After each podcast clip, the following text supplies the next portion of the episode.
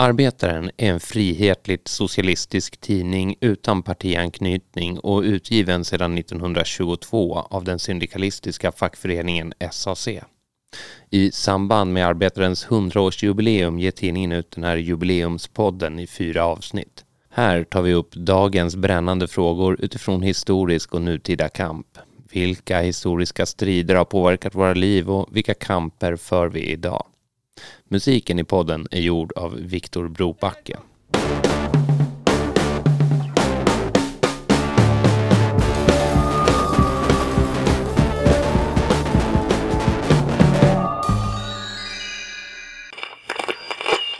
Stopp för lyxbyggen och lyxsanering! Bostäder åt arbetarfamiljer i innerstan! Hyresgästen betalar 23 000. Det är ju oron över om man ska ha råd att bo kvar. Vi sitter liksom i en, en revsax, vi kommer ingen vart. Flyttar vi till ett annat område, det är samma hyror. Välkomna till studion och till det tredje avsnittet av den här poddserien som firar arbetarens 100-årsjubileum. Dagen till äran är temat 100 år av bostadskamp. I studion har vi med oss bostadsforskaren Dominika Polanska som är docent i sociologi, lektor vid Södertörns högskola och knuten till Uppsala universitet. Hon har bland annat skrivit böcker om svenska husockupationer och om renovräkningar. Välkommen hit. Tack så mycket. Vi har också med oss Hannes Rolf, historiker vid Uppsala universitet som forskat om bland annat Hyresgästföreningens historia och skrivit en bok om hyresgästernas uppror under mellankrigsåren. Välkommen. Tack så mycket. Jag heter Vendela Engström och är moderator och producent för dagens samtal. Jag tänker att vi inleder med en grovhuggen sammanfattning av de senaste hundra årens bostadspolitik så att lyssnarna lättare kan hänga med i samtalet. Under 1920-talets Sverige var bostadsbrist, trångboddhet och fattigdom omfattande. Samtidigt var produktionspriserna höga, vilket ledde till höga hyror. Under den här perioden bildades halvkommunala bostadsföretag och Hyresgästföreningarnas riksförbund grundades. Från 1930 fram till slutet på andra världskriget lades grunden för den svenska bostadspolitiken och de allmännyttiga bostadsföretagen. Kooperativen, främst genom HSB, växte fram som ett alternativ till det privata byggandet. Under 1950-talet var bostadsbristen fortfarande hög trots ökat bostadsbyggande. I och med miljonprogrammet som pågick mellan 1965 och 75 byggdes bostadsbristen i landet bort. Under 1980-talet sjönk bostadsbyggandet och efter den borgerliga valsegern 1991 avvecklades den centralstyrda bostadspolitiken. Bostadspolitiken blev allt mer marknadsstyrd vilket ledde till att bostadsrätter snart blev en tydlig handelsvara. Hyresrätten fick stå tillbaka samtidigt som bostadssegregeringen ökade i landet vilket är en trend som fortsatt fram till vår tid. Så det här var en snabbspolad version av bostadspolitiken under de senaste hundra åren. Jag tänker att vi går in mer i detalj vad gäller hur maktbalansen mellan hyresgäst och hyresvärd sett ut över tid, hur boende organiserat sig och vart konfliktlinjerna legat. Ni som sitter här har ju forskat om bostadsfrågor och bostadskamp. Så Hannes, hur skulle du beskriva bostadssituationen och bostadsorganiseringen i Sverige för hundra år sedan? Uh, ja, nej men eh, det var väl, alltså både, både får man komma ihåg att, att för hundra år sedan i Sverige så var, så var Sverige ett land där de flesta bodde på landsbygden fortfarande.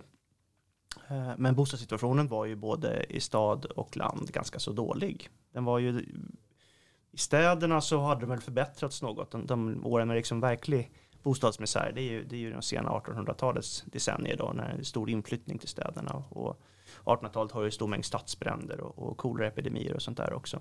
Men även eh, på 1920-talet så var det ju framförallt med vår, våra mått mätt väldigt dåligt. Man, man bodde ju, för en familjebostad var, så var en etta med kök i princip. Och eh, det var ju många bostadsproblem och skadedjur och, och eh, andra problem. Och inte minst så fanns det ju egentligen inte Ja, just för hundra år sedan fanns det faktiskt skyddande lagstiftning. För, för det var ju den första perioden av, av hyresreglering som var i Sverige höll ju på från 1917 till 1923. Men, men när den försvann sen så, så var det ju väldigt lite som eh, skyddade eh, hyresgästerna då ju. Man, när, man, när kontraktet eh, tog slut, ofta skrev man kontrakt på ett eller två år, så eh, hade man inte så mycket skydd överhuvudtaget och, och hyrorna kunde ju sättas lite hur som helst.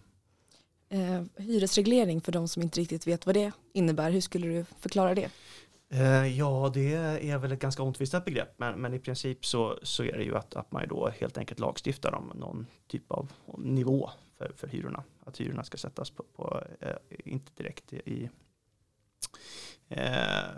med, med, i, i överenskommelse mellan hyresvärd och hyresgäst helt enkelt. Yes, så då, nu har du beskrivit bostadssituationen och hur, skulle det, hur såg själva organiseringen Ja, ut vid den tiden? Alltså det, det är ju liksom, I städerna så börjar det dyka upp hyresgästföreningar från sent 1800-tal egentligen. Men de är ju ofta kortlivade, skapas de, de finns i något år eller ett par år och sen så, så försvinner de. Det finns ju egna hemsföreningar och det finns ju bostadskooperativ och sånt där. Så det finns ju, lite, det finns ju en del organisationer som tar hand om det. Fastighetsägarna är ju ganska tidigt ute och organiserar sig också. Men, men just kring den här tiden för hundra år sedan så började det växa fram en, en bestående hyresgästförening. Eh, hyresgäströrelse helt enkelt med olika hyresgästföreningar som bildas i, i städer runt om i Sverige. Eh, Stockholm och Göteborg och med flera, Norrköping, Malmö och sånt där. Så hur kom Hyresgästföreningens framväxt att påverka bostadspolitiken i Sverige? Skulle du säga? Uh, ja, nej men alltså, alltså, det är ju som sagt det är en spirande hyresgäströrelse som ju kommer igång här under de här åren när det är hyresreglering i Sverige.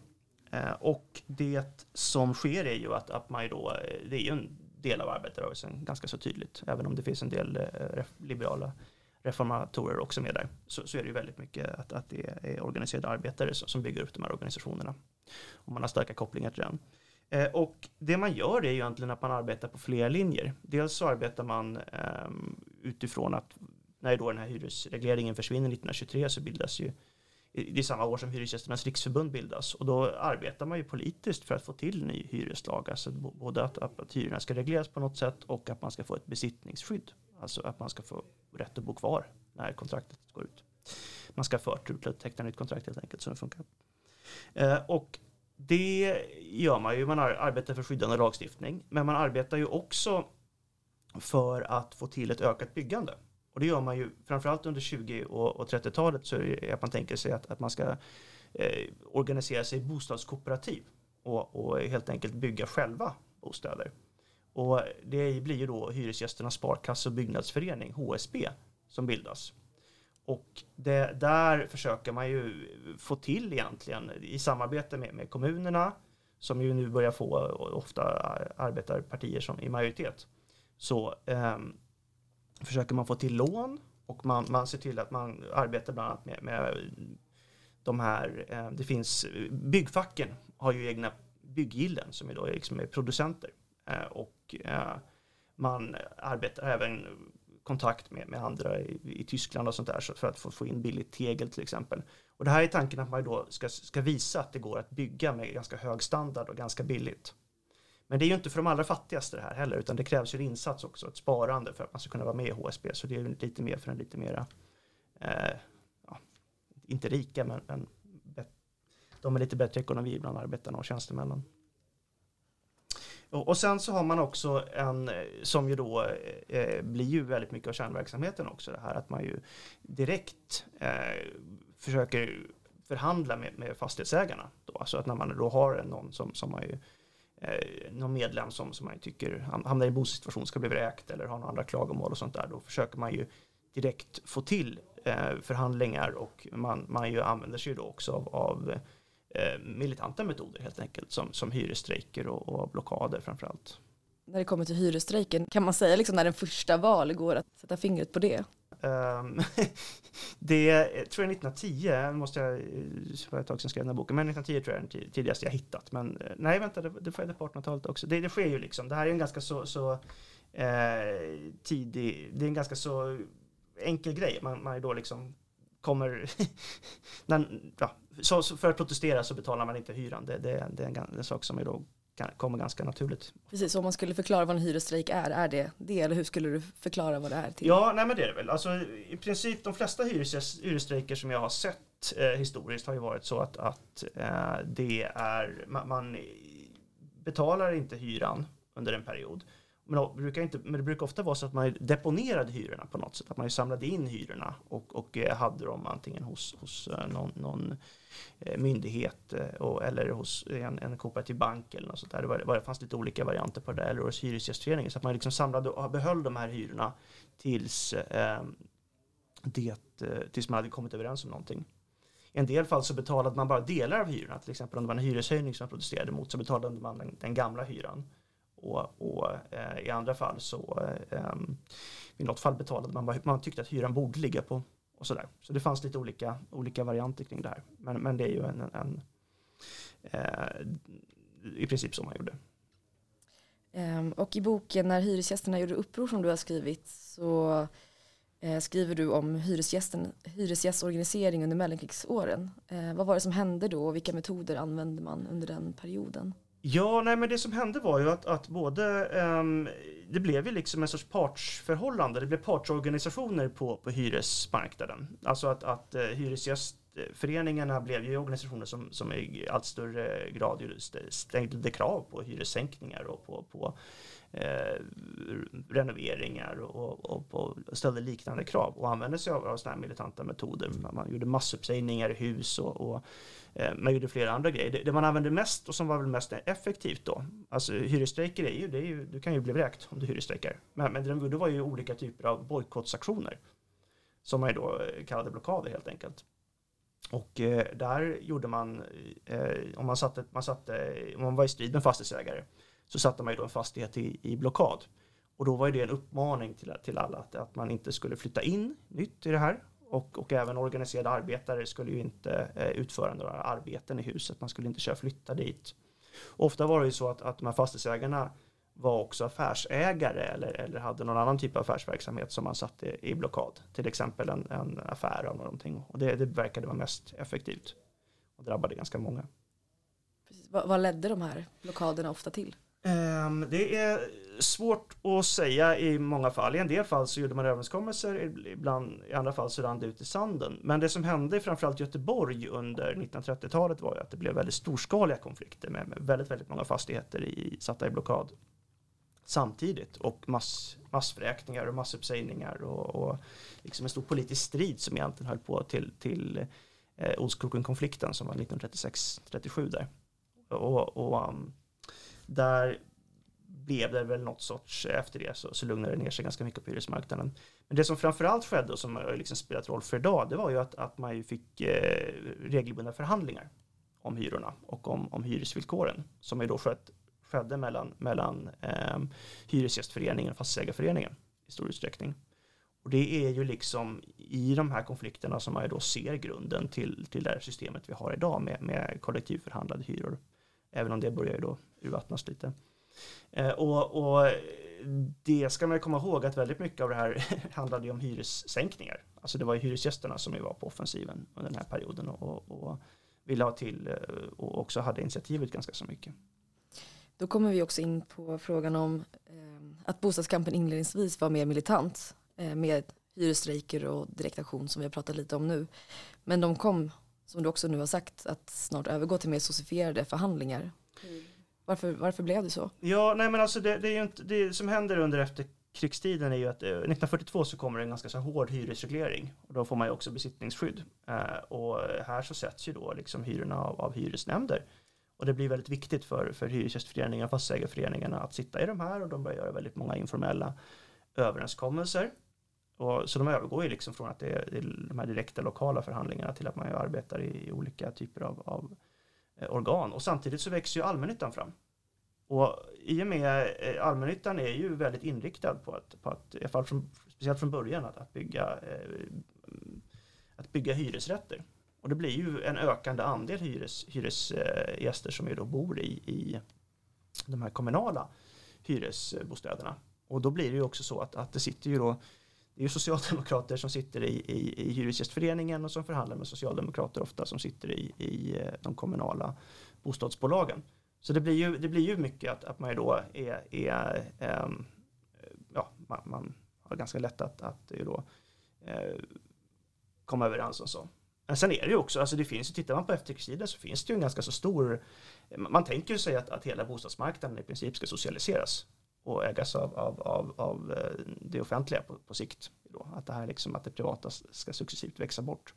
Så det finns en sån tanke också att eh, då hyresgästföreningens roll är på något sätt att, att vara, inte, inte militant motpart, men, men ändå en, en um, ja, mer intresseorganisation helt enkelt än, än, än radikal kraft. Sen är det ju en del hyresstudier på 70-talet också sånt där. Och då är det ofta inom allmännyttan. Ja, nu tänker jag att vi spolar fram tiden lite. Så under 60-talet fram till eh, 75 så, började, så byggdes miljonprogramsbostäderna. Bostadsbristen började minska i landet. Men det här var också en period av husockupationer. Eh, något som du också har skrivit om, Dominika. Eh, vad var syftet med de här ockupationerna och går det att säga något om vad de ledde till? Ja, men absolut. Ehm, och det är precis som du säger att bostadsbristen någonstans byggdes bort med miljonprogrammet. Och eh, det är ganska tydligt i hur, alltså vilka krav husockupanterna egentligen eh, eh, lyfte vid husockupationer. Och det kanske inte var så mycket, nu är det väldigt förenklat då, men det kanske inte var så mycket bostadskamp, även om väldigt många husockupanter ändå kritiserade bostadspolitiken. Men det handlade inte om att egentligen kanske Eh, skapa bostäder så mycket som att det snarare handlade om att skapa lokaler, mötesplatser. Eh, och att eh, eh, ja, protestera mot stadsomvandlingar. Eh, Sverige var ju vid den tiden i en situation där många av stadskärnorna genomgick ganska dramatiska, internationellt sett, ganska dramatiska stadsomvandlingar där man rev stora delar av innerstäderna. Och det här var ju någonting som självklart då påverkar de här eh, rörelserna då som protesterade och använde husockupationer som en metod, en protestmetod. Det var också en tid av 60-tals radikalisering och det har ju mycket beskrivits i Kjell Östbergs böcker eh, om de nya rörelserna som, som sprang ur den här radikaliseringen. Det fanns en allaktivitetsrörelse i Sverige i slutet av 60-talet som kämpade för självförvaltade lokaler och den rörelsen var ju också väldigt aktiv i att ockupera hus under den här perioden. Vi hade alternativa rörelser som eh, var påverkade av eh, strömningar som kom från resten av Europa, de husockupantrörelser som fanns i resten av Europa. Eh, Mattias Våg har ju i vår bok eh, eh, Ockuperat skrivit om just de här internationella influenserna på ett väldigt snyggt sätt och också gett dem olika tidsperioder då de, eh, då de var influerade av delvis olika länders eh, eh rörelser kring hus, husockupationer och sociala center. Um, och samtidigt så, så befann sig ju Sverige i den här stadsomvandlings um, rivningsraseriet som det har kallats, eh, eh, ganska våldsamma stadsomvandlingen eh, som pågick i många eh, svenska städer. Ehm, och i den forskning jag har då bedrivit omkring husockupationer så var det ju framför allt då krav på att bevara delar av staden, att Eh, protestera mot också nedrustningar eller nedläggningar, vilket kom något senare, kanske inte riktigt under 70 80-talet, ehm, utan senare efter 90-talet. Ehm, men också för att kritisera bostadspolitiken och, och, och skapa framförallt mötesplatser för flera olika rörelser som var då inblandade i att eh, ockupera hus. Och när det gäller just ehm, kanske effekten av de här husockupationerna så har de ju lett eh, till att man har bevarat delar av, av städerna. Haga bevarades i Göteborg, eh, delar av Södermalm. Rivningarna stoppades i, på Södermalm här i Stockholm. Eh, vi har också sett att eh, husockupationer används strategiskt av husockupanter för att just skapa medial uppmärksamhet. Eh, för att man vet att eh, det skapas en hel del brus i media kring husockupationer och man har kunnat politisera frågor som kanske var svåra att föra upp på den politiska agendan. Till exempel frågor kring stadsomvandling och frågan om att demokratisera stadsplaneringen. Eh, eller att ehm, eller bara rätten till bostad i sig. Eller att politisera frågan om möteslokaler och, och tillgång till möteslokaler för ungdomar eller andra eh, sociala grupper. Men också för att kunna kritisera hur bostadspolitiken ser ut på det här sättet. Eh, det har också skapat en hel del påtryckningar på hyresvärdar. Det har skapat eh, det har skapat rörelse, eller att rörelse har kunnat eh, gro på de här platserna. Så de har ju varit noder, de här mötesplatserna som skapats under husockupationen har ju varit noder för väldigt många rörelser. Eh, och väldigt många och där har, jag ju, det har vi också eh, försökt fånga retrospektivt eh, bland de husockupanter som deltagit i ockupationer. Berättar just om att deras politiska engagemang har fötts på de här platserna. Så det har ju haft beständiga eh, effekter i människors liv. Politiska engagemang men också för rörelser att gro på.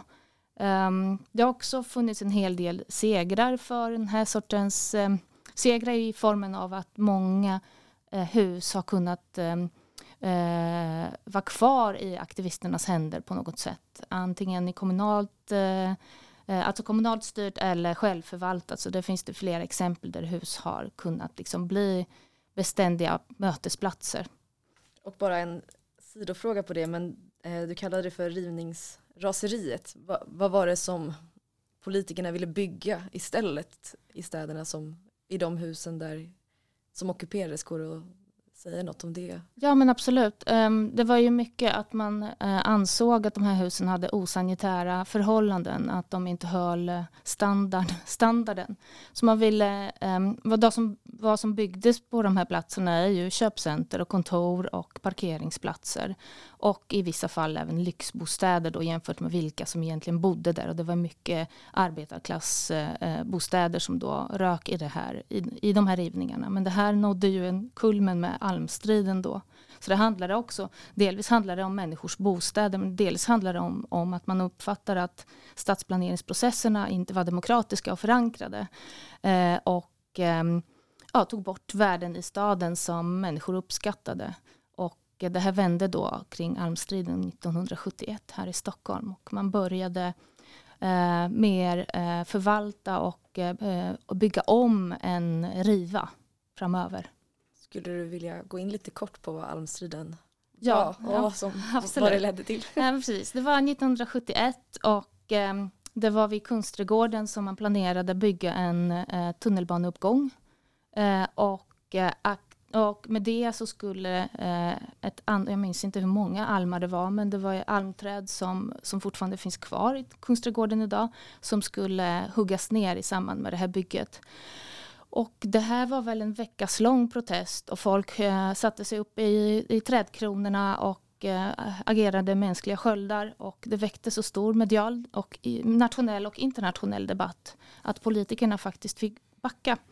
Det finns en, det finns en hel del eh, bra böcker kring det här om, eh, jag kan tipsa om som vi kan ha på länk sen eh, för de som är intresserade av att läsa mer. Det låter jättebra. Jag tänker att vi spolar fram tiden lite mer. Ehm, och under 80-talet och framåt så ökade de marknadsekonomiska krafterna. Under 90-talet förändrades spelplanen rejält för hyresgästerna. Vad var det som hände under den här perioden och hur påverkade det maktbalansen mellan hyresgäst och hyresvärd? Ja, eh, väldigt generellt då. Men just den här marknadsorienteringen ledde ju till att staten drog sig tillbaka. Eh, sitt ekonomiska stöd och det här i sig försvagade hyresgästernas ställning. Och när marknaden styr så hamnar ju de mest eh, ekonomiskt utsatta mellan stolarna. Eh, vi ser att den ekonomiska ojämlikheten ökar dramatiskt från 1980-talet och framåt. Och det här får ju även då effekter för hur bostadssektorn ser ut. Um, och det skapas vad som inom forskningen kallas för bostadsojämlikhet. Uh, uh, det går, eh, Karina uh, Listerborn har skrivit en jättebra bok om bostadsojämlikhet från 2018. Det kan vi också tipsa om i efterhand. Men den här bostadsojämlikheten, det viktigaste med den här bostadsojämlikheten är ju att den drabbar ju olika skikt av befolkningen på olika sätt. Och att de som är fattigast drabbas hårdast.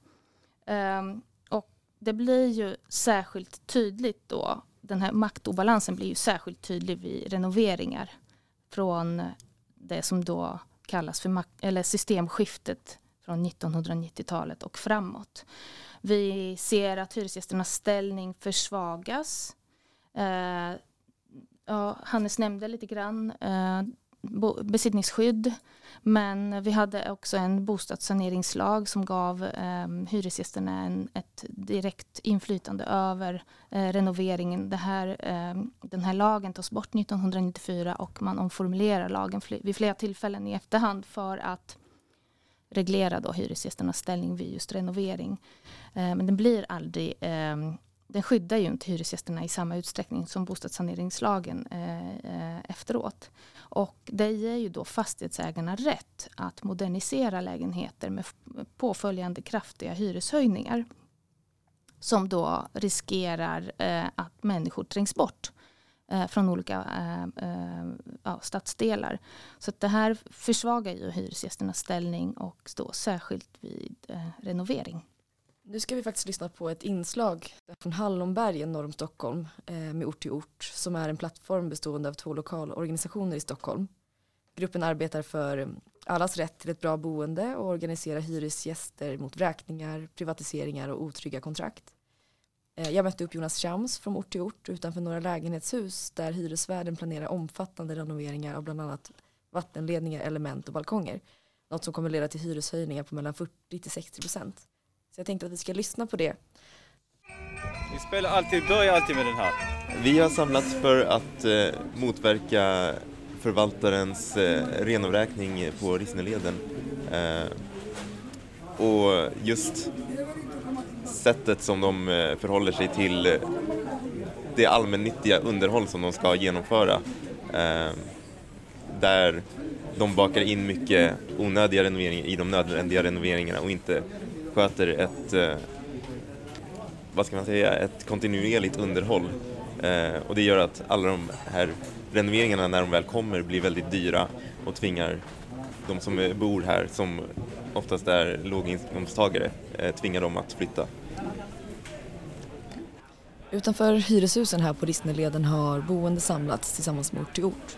Ni båda bor här. Vad tycker ni om hyresvärdens planer? Oacceptabelt. Det är för dyrt som det är. Ja, vi bor inte varken Östermalm eller Södermalm, det är, det är Hallonbergen. Hur kommer det påverka er? Det är klart, det påverkar vår budget.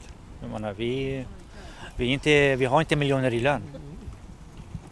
Vi är vanliga arbetare. Det, det blir bara tuffare och tuffare varje år. Det är därför. Det blir det. Så om det blir en 40-60 procent i hyreshöjning, kommer ni kunna bo kvar eller vad det, kommer ni göra då? Jag tror det blir svårt. Man söker sig härifrån direkt. Och så kommer man till innerstan och betalar samma hyra. Hur tänker ni nu? Kommer ni vara med och liksom organisera er med ort till ort? Eller? Ja, vi är, det här är andra gången vi är med. Andra gången vi är med. Vi så vet vi... inte hur det här kommer att ledas, vart det ska ledas. Vi får se. Tillbaka till Jonas Champ. Vilka metoder använder sig ort till ort av för att bedriva bostadskamp? Alltså mycket av det här är ju experimentellt. Att hyreskampen i, i Sverige eh, dog ju ut lite där när Hyresgästföreningen centraliserade eh, och eh, standardiserade förhandlingsprocessen. Eh, så mycket av det vi gör är ju att testa oss fram. Eh, och en av metoderna är ju de här motstånd, motstånden som processen dras ut Eh, vi har också, håller också på att experimentera med en blockad här i Sundbyberg mot eh, tomma affärslokaler hos förvaltaren. Eh, och där är ju tanken helt enkelt att sätta upp affischer och göra det tydligt att de här fastigheterna är i blockad för att göra så att eh, affärsverksamheter inte ska vilja blanda sig i och eh, utsättas för mm. den här pro eh, problematiken och röra sig vidare till eh, lättare, lättare lokaler med lättare toner. Och vad är syftet med de blockaderna? Eh, det är ju helt enkelt att göra det obekvämt för förvaltaren. Eh, att på något sätt kunna utöva något form av ekonomiskt tryck. Eh, särskilt just nu när vi, när vi är små så är ju det en av sätten. Annars om vi, om vi hade liksom majoriteten av boende i förvaltaren kan man ju utöva andra ekonomiska på, påtryckningar som, som var en del av hyreskampen eh, tidigare innan, innan Hyresgästföreningen med med hyres, eh, hyresstrejker. Och vilka andra metoder? Och att, att maska helt enkelt, att, att säga nej, att, att, att tvinga det här till hyresrätten, att tvinga vidare och, och överklaga beslut. Eh, det, det är de främsta och sen så handlar det mycket om att bilda de här sociala banden, att träffas ofta eh, och dela information så att vi alla är medvetna om vad som händer många av de här metoderna som du nämnt, från maskning till blockad, är ju metoder som används i facklig kamp. Kan du dra paralleller mellan bostadskamp och arbetsplatskamp? Det kan man ju helt klart. Det handlar ju mycket om, om samma förutsättningar eh, och, och, liknande kamper och särskilt med hur, hur organiseraren, den existerande eh, dominanta strukturen ser ut är väldigt lika med, med den centrala hyresgästföreningen och LO som, som båda väl jobbar mer, mer kompromissande än många skulle vilja med, eh, med motståndarparten. Så ja, det är väldigt likt. Tillbaka till studion. I inslaget som vi lyssnade på nu så pratas det om renovräkningar. Eh, vad innebär det egentligen och hur kommer det sig att det har blivit allt vanligare? Mm. Eh, det är ju, renovräkning är ett ord eh, som är sammansatt av två ord egentligen, renovering och vräkning. Eh, och det det syftar till det är ju att peka på att eh, omfattande renoveringar som då eh, som för med sig kraftiga hyreshöjningar riskerar att vräka, eh, tränga bort människor från deras bostäder. Det här är ett ord som eh, fördes in i den svenska eh, ordlistan 2017 och kommer från eh, kanadensiska aktivister som eh, införde det. Ehm, och ehm, när det gäller just renovräkningar i Sverige så är det lite svårt att säga omfattningen för vi saknar statistik på det här fenomenet. Vad vi vet är ju utifrån branschens beräkningar hur många bostäder egentligen som renoveras årligen och vi vet att sen 2011 eh, eller 2013 så är det mellan 300 till 500 000 bostäder som har renoverats. Ganska stor del av, av bostadsbeståndet som har renoverats. Ehm, men eh, vi vet också från andra rapporter, det finns en rapport från 2016 som Hyresgästföreningen har, ehm, har publicerat. Så för det året vet vi att eh, snittet för hyreshöjningarna låg på 37 procent vilket är väldigt högt eh, jämfört med eh, ännu andra rapporter som pekar på att det finns en ganska låg tröskel för låginkomsttagare. Den ligger redan vid 1000 kronor eller 25 procent eh, där många eh, tvingas att flytta. Alltså var fjärde flyttar vid 25 procentiga hyreshöjningar. Så var fjärde hyresgäst som behöver flytta. Eh, och då var ju hyreshöjningarna i snitt för hela landet 37 procent 2016 och annars vet vi ju inte hur det har sett ut sedan dess. Eh, så det är lite svårt att prata om omfattningen men samtidigt är det ju också eh, så att vi har haft eh, vissa förändringar i lagen. Och jag tänker att tongivande här har ju varit den som i folkmun kallas för allbolagen från 2011 som eh, reglerade hur eh, allmännyttiga, bostäd, alltså allmännyttiga bostadsbolag ska ehm, eh, drivas enligt vilka principer. Och I allbolagen så står det att allmännyttan ska då drivas affärsmässigt med, enligt affärsmässiga principer, alltså inte non-profit. Inte enligt tidigare självkostnadsprincipen utan affärsmässighet. Och samtidigt så förlorade också allmännyttan sin hyresnormerande roll. Och det betyder att tidigare så fungerade då de hyror som var inom det allmännyttiga bostadsbeståndet som en sorts bromskloss på hyreshöjningar. Eh, men det tas bort 2011. Så jag identifierar den lagen som någon sorts um, eh, avgörande för eh, att man idag eh, kan eh, pressa, trissa upp eh, hyresnivåerna så pass mycket och att allmännyttan inte längre fungerar som en bromskloss för, för hyresnivåerna. Hur skulle du säga att, att sådana här renovräkningar då påverkar ett, ett område? Till exempel som om det nu blir så att det blir liksom 40-60% hyreshöjning i det här området mm. i Hallonberg, hur, hur påverkar det Eh, så det, eh, om det är 40 till 60 procent, vilket inte alls är ovanligt för, för Stockholm med den här eh, nivån på hyreshöjningarna, så innebär det att ehm, kanske var tredje person behöver flytta. Det finns ju rapporter på ganska stora en rapport från Göteborg på en stor mängd människor där 50 procent är hyreshöjningar driver bort ungefär var tredje eh, hyresgäst. Då. Så det här splittrar ju ett bostadsområde i grunden. Det skapar ganska mycket otrygghet bland de som bor kvar. Vi vet att de som flyttar från den här, eh, de här områdena eh, är de som har lägst inkomst. Och de flyttar ju till områden med ännu lägre inkomster och sämre skolresultat. Det här är ett, en rapport som har då konstaterat det som Boverket skrev 2014. Vi vet också att eh, bostadsbidrag, alltså, bero, alltså ja, mm, att folk blir mer eh, utarmade och också beroende av bidrag i, bland de som bor kvar i ett sådant område. Vi vet också att människor upplever en ganska stor otrygghet eftersom de inte känner igen sina grannar för att det eh, uppstår en ganska stor omflyttning ganska länge efter att att eh, en renovering har då, eh, genomförts inom ett, ett område.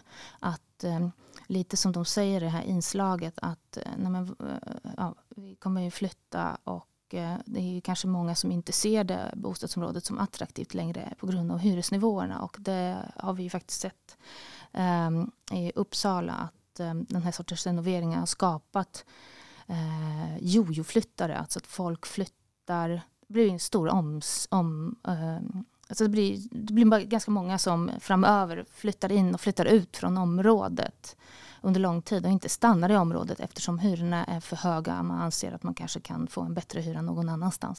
Det pratas också i inslaget om liknelsen mellan bostadskamp och facklig kamp där många av de metoder som används är snarlika. Vad tycker ni om den, den liknelsen? Uh, ja, nej men absolut. Det, det, är ju, det finns ju en, en, klar likhet. Alltså tittar man på, på den hyresgäströrelse som växte fram en gång i tiden så var ju det eh, i ganska stor utsträckning så att, att hyresgästföreningarna byggdes av, av fackligt aktiva. Många syndikalister också var bland annat med, i, inte minst i Göteborg. Eh, P.J. Welinder och, och Martin Andersson och flera Eh, och det här var ju, alltså man, man identifierade ju helt enkelt att, att eh, det var, precis som på arbetsplatserna så, så var man ju, hade man ett maktundertag enskilt, så hade man ju även det i bostäderna. Så, så det var ju ett svar att, att kollektivt organisera sig och kunna ställa krav tillsammans istället. Och det gav ju också resultat. Eh, och det som hände var väl alltså, alltså tittar man på arbetsmarknaden och, och organisationerna där så var, så var det ju så att, att det fanns ju olika linjer där. Dels är det de som förespråkade då, bland annat inte minst syndikalisterna, att, att man då skulle ha eh, oberoende eh, organisationer som ju då kunde ställa krav och andra som menade att det skulle centraliseras, att man gemensamt skulle flytta upp de här liksom, förhandlingarna på, på en eh, nivå och också att, att det var viktigt att, att man då själv, att man disciplinerade helt enkelt medlemmarna. Och samma rörelse ser man ju i, i, i eh, eh hyresgäströrelsen också.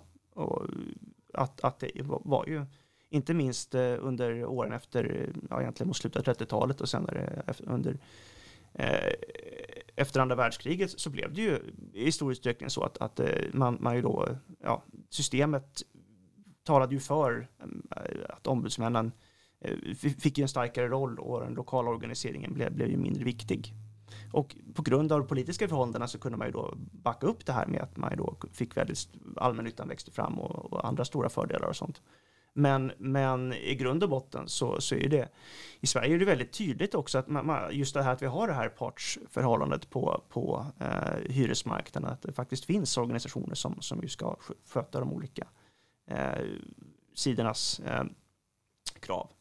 Och att, att det, det, det är ju någonting, det går ju verkligen att förstå det här förhållandet på samma sätt som man förstår eh, arbetsförhållandet, att det är två parter som har motstridiga intressen och att de är då eh, kan företrädas av sina organisationer och annat. Tror du att facken idag och bostadskampen idag, att man på något sätt kan typ samarbeta eller så? Finns det? Ja, det borde man ju. Alltså det är väl rimligt. Det, vad, vad äter, om, om, hyran, om hyran höjs, vad, vad gör då liksom löne, eh, om man får, ja, löneförhandlingarna? Det ser man ju nu, inte minst med inflationen och jag menar, lägg hyreshöjningar och bostadshöjningar på det, alltså omkostnader överlag så är det man har ju såklart gemensamma intressen. Eh, och eh, det, det, tittar man historiskt så har ju också, alltså, inte minst med, med byggfacken men även med andra fack så har man ju, så har ju organisationerna arbetat tillsammans ganska mycket. Och det har ju också varit samma stridigheter. 1935 så hade ju SAC en, en, en innan Saltsjöbadsavtalet 1938 så var det ju ganska mycket prat om att man då skulle sätta in väldigt hårda antifackliga lagar och som ju då i princip skulle Eh, göra stridsåtgärder väldigt, väldigt svåra. Och eh, då hade SAC en, en eh, kongress, en konferens om det här 1935 i princip hela den göteborgska hyresgäströrelsen åkte dit och, det var ju, liksom, och, och var med. Och då, eftersom de ansåg att det skulle drabba dem också. Eh, och på samma sätt så, så, har det liksom det här, den här frågan har ju funnits både i fackföreningsrörelsen och i, i, i hyresgäströrelsen. Men, men hyresgäströrelsen har inte varit lika uppmärksammad historiskt. Om vi går till 2000-talet så har ju bostadsbristen idag återigen blivit ett problem. Hur, hur skulle ni beskriva eh, bostadsmarknaden idag? Ja, um, det är framförallt, det präglas ju av, av brist på billiga hyresrätter. Eh, och det har att göra med de ombildningar som har genomförts av hyresrätter men också det vi har pratat om just med renoveringar och renovräkningar. Men också olika förnyelseprogram när man förnyar bostadsområden ska lyfta dem och det medför ju ofta en, eh, vissa hyreshöjningar som gör att de här billiga hyresrätterna försvinner från beståndet. Vi har eh, eh, sedan 80-talet har vi ju byggt upp någonting som kallas för sekundär bostadsmarknad. Eh, det som eh, tillhandahåller då sociala kontrakt för pe personer som inte själva kan då eh, få en hyreslägenhet men där kommunen står som någon sorts medlare. Eh, och det är problematiskt för många av de här kontrakten övergår inte i permanenta kontrakt. Om vi också pratar om permanenta hyreskontrakt så kan vi också säga att dagens bostadsmarknad präglas av väldigt mycket tillfälliga kontrakt. Vi har ju en tilltagande hotellifiering här i Stockholm men även andra storstäder, även i Visby till exempel på Gotland. Där många av de tidigare hyresrätterna görs om eh, blockuthyrs eller liksom görs om till hotellägenheter eller lägenhetshotell. Eh, vi har eftersatt underhåll där eh, fastighetsägarna eh, inte underhållit på flera decennier och det här skapar ju både frustration men också att man uppfattar kanske vissa bostadsområden som mindre attraktiva och, eh, och används i processer av renovering som en sorts motiv för att renovera eh, och förnya Eh, ett bostadsområde. Vi har, det här, och det här hänger ju också ihop med hur man definierar då den här affärsmässigheten inom allmännyttan men också att vi har en byggsektor och fastighetssektor som styrs av vinst. Um, och uh, vi har också en tydlig uppdelning i hur, vilka som äger och vilka som hyr. Uh, vad det kostar att bo i hyrt boende respektive ägt boende. Uh, vi har, och det här hänger ihop med att uh, det finns en utbredd tro på en bostadskarriär. Eh, för att vi har sett att eh, man i den politik som har förts, bostadspolitik, skattepolitik, har favoriserat ägandet och eh, idag så äger ju över 70 procent av den svenska befolkningen sina bostäder. Så den stora majoriteten äger ju idag och ehm, man har ju sett att vad som är möjligt, att man, att många har ju sett sitt välstånd öka eh, genom att äga sitt boende.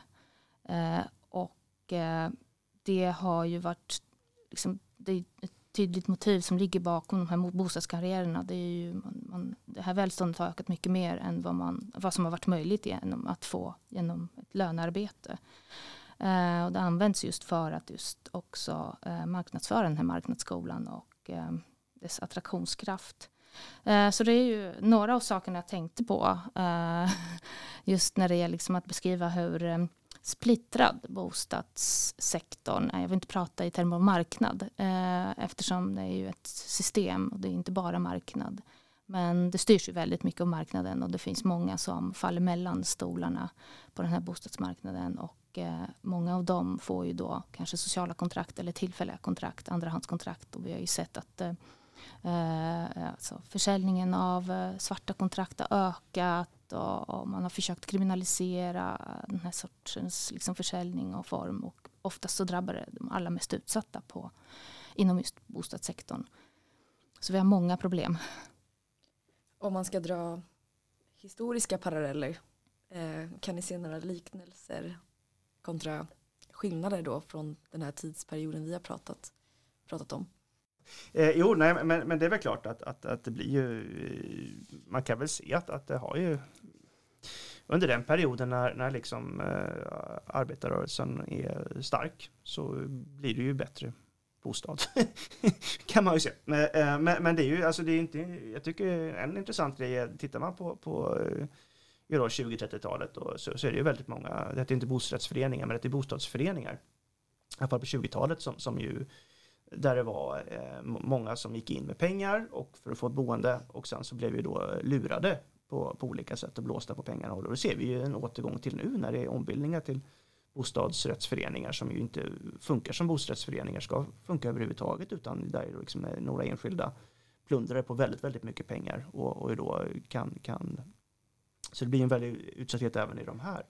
Så det blir ju liksom, det, det, blir ju hela tiden att, att, att olika fastighetsägare och andra liksom försöker, så, som Dominika sa som vi hörde i inslaget, försöker då eh, ta sig runt systemet på olika sätt.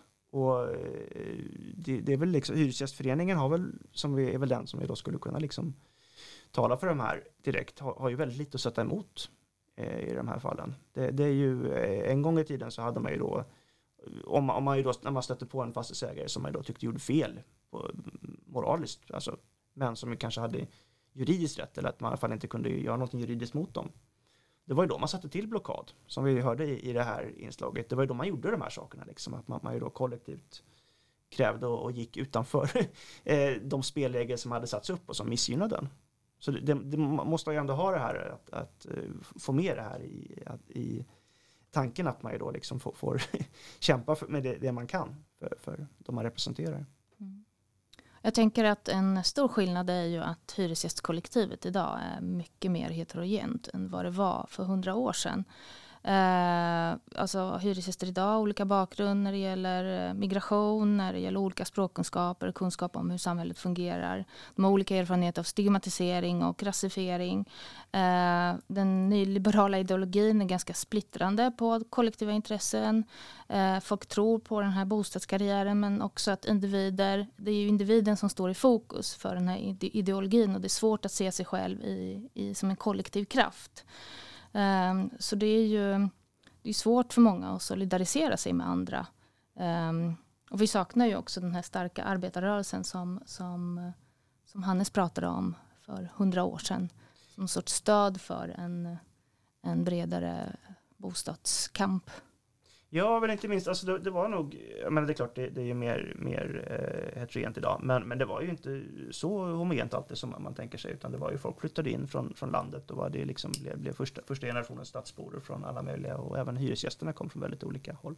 Men, men det som du säger det, Dominika, det fanns ju en, en, inte minst en organisationskultur som ju då eh, var väldigt, eh, som, som ju hade hållit på i ett antal decennier redan när det här kom igång och att man ju då liksom kunde lösas, såg som ett sätt att lösa saker, att, att, att, organisera sig. Och det här har vi haft ganska starkt i Sverige, men det börjar ju försvinna nu. Mm. Så man ser att, att det är väldigt många äldre personer som är, håller i liv de här organisationerna ändå. Och när vi, jag tänker att den här frågan går att knyta an både till det vi pratar om nu men också den tidiga med när vi pratade om fackföreningar eh, kontra bostadskamp. Men tycker ni att, bos, eller att Hyresgästföreningen har blivit för mesig? Ska jag börja? Det tycker jag.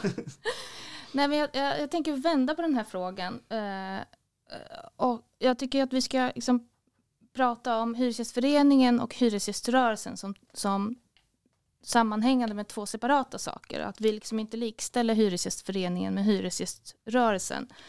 Um, för det är ju väldigt mycket fokus på just Hyresgästföreningen och hur den har centraliserats och, och hur man, vilken roll man då tillskriver den.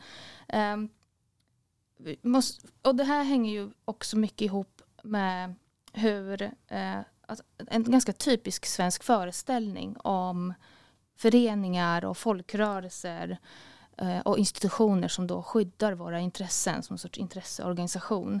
Eh, och jag, jag, jag, tolkar det som att det är eh, ett tecken på den höga eh, institutionella tilliten i Sverige som är, och, och tilliten till staten som är problematisk när man liksom lägger det i händerna på en förening.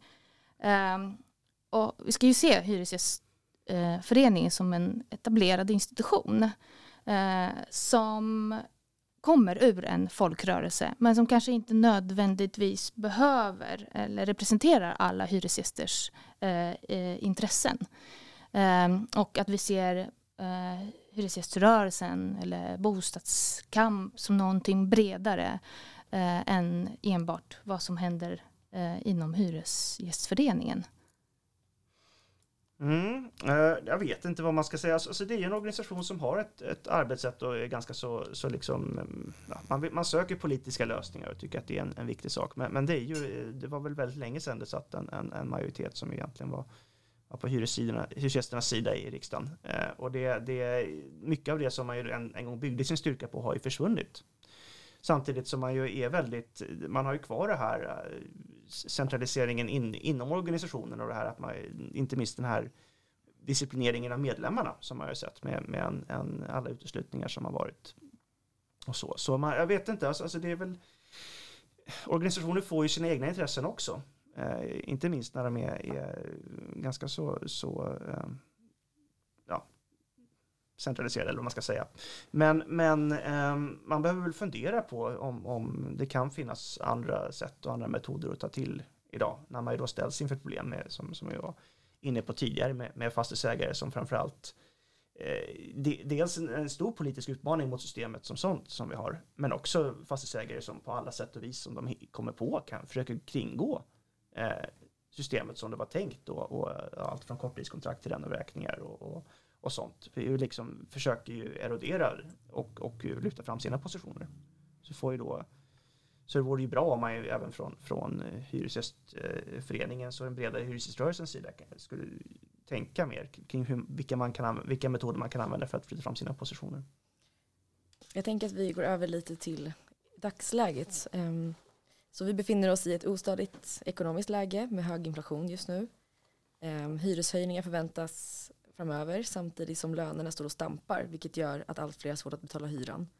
Även bostadsbristen är hög och kön till en hyresrätt är lång i storstäderna.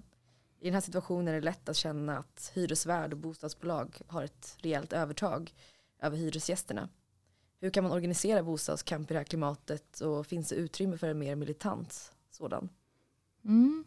Uh, ja, jag tror att uh, måste utgå ifrån att, uh, som jag tidigare sa, att uh, solidarisera sig med andra hyresgäster oavsett ålder eller bakgrund.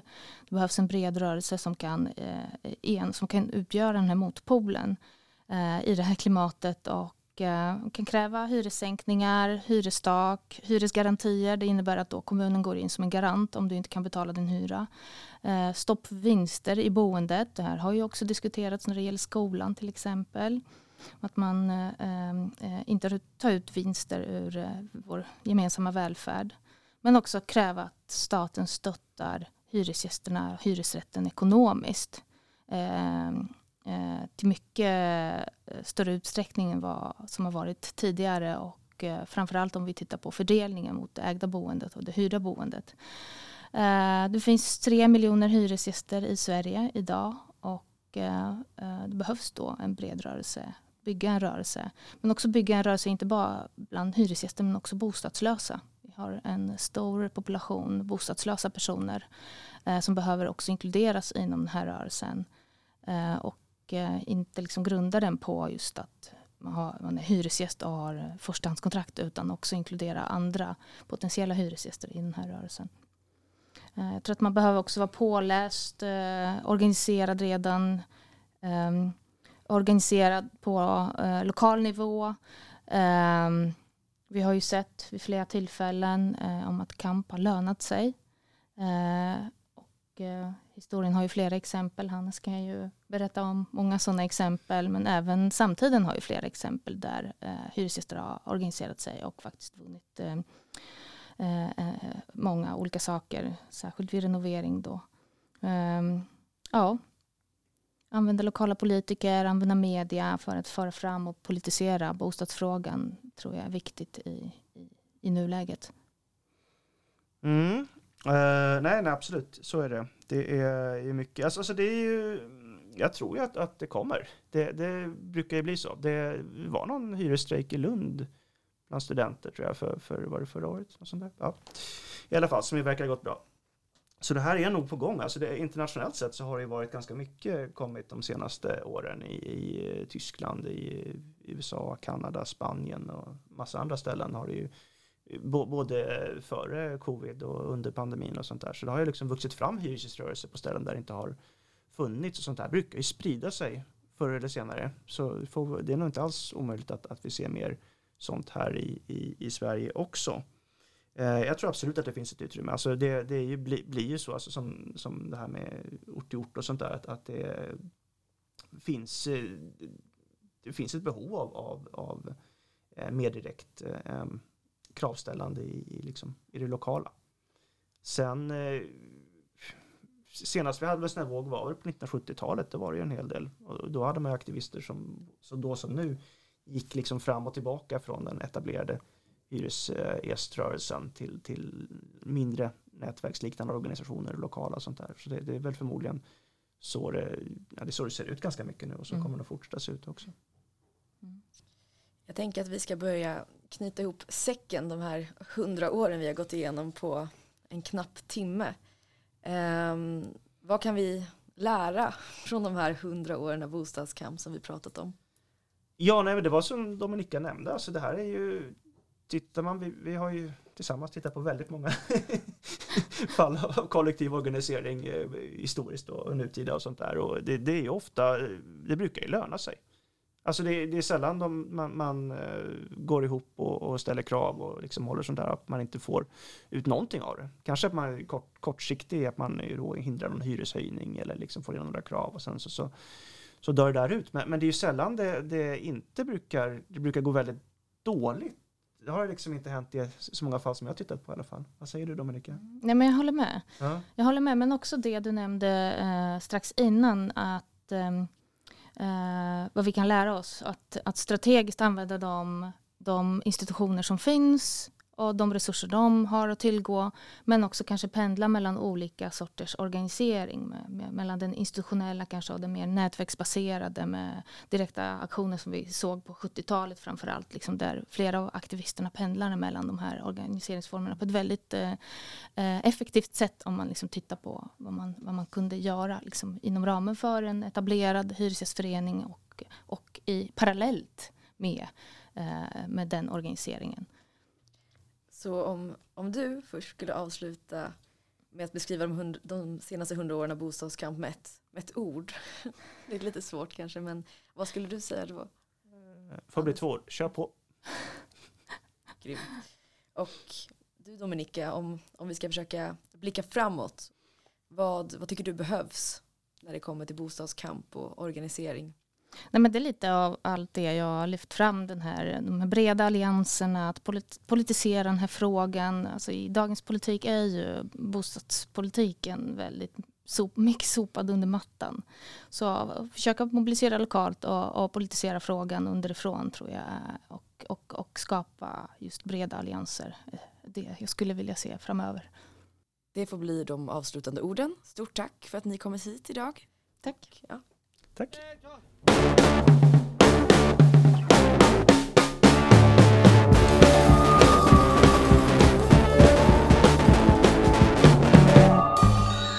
Det här var tidningen Arbetarens jubileumspodd om bostadskamp. På vår hemsida finns fler avsnitt och nästa gång ska vi prata om antifascism. Missa inte det.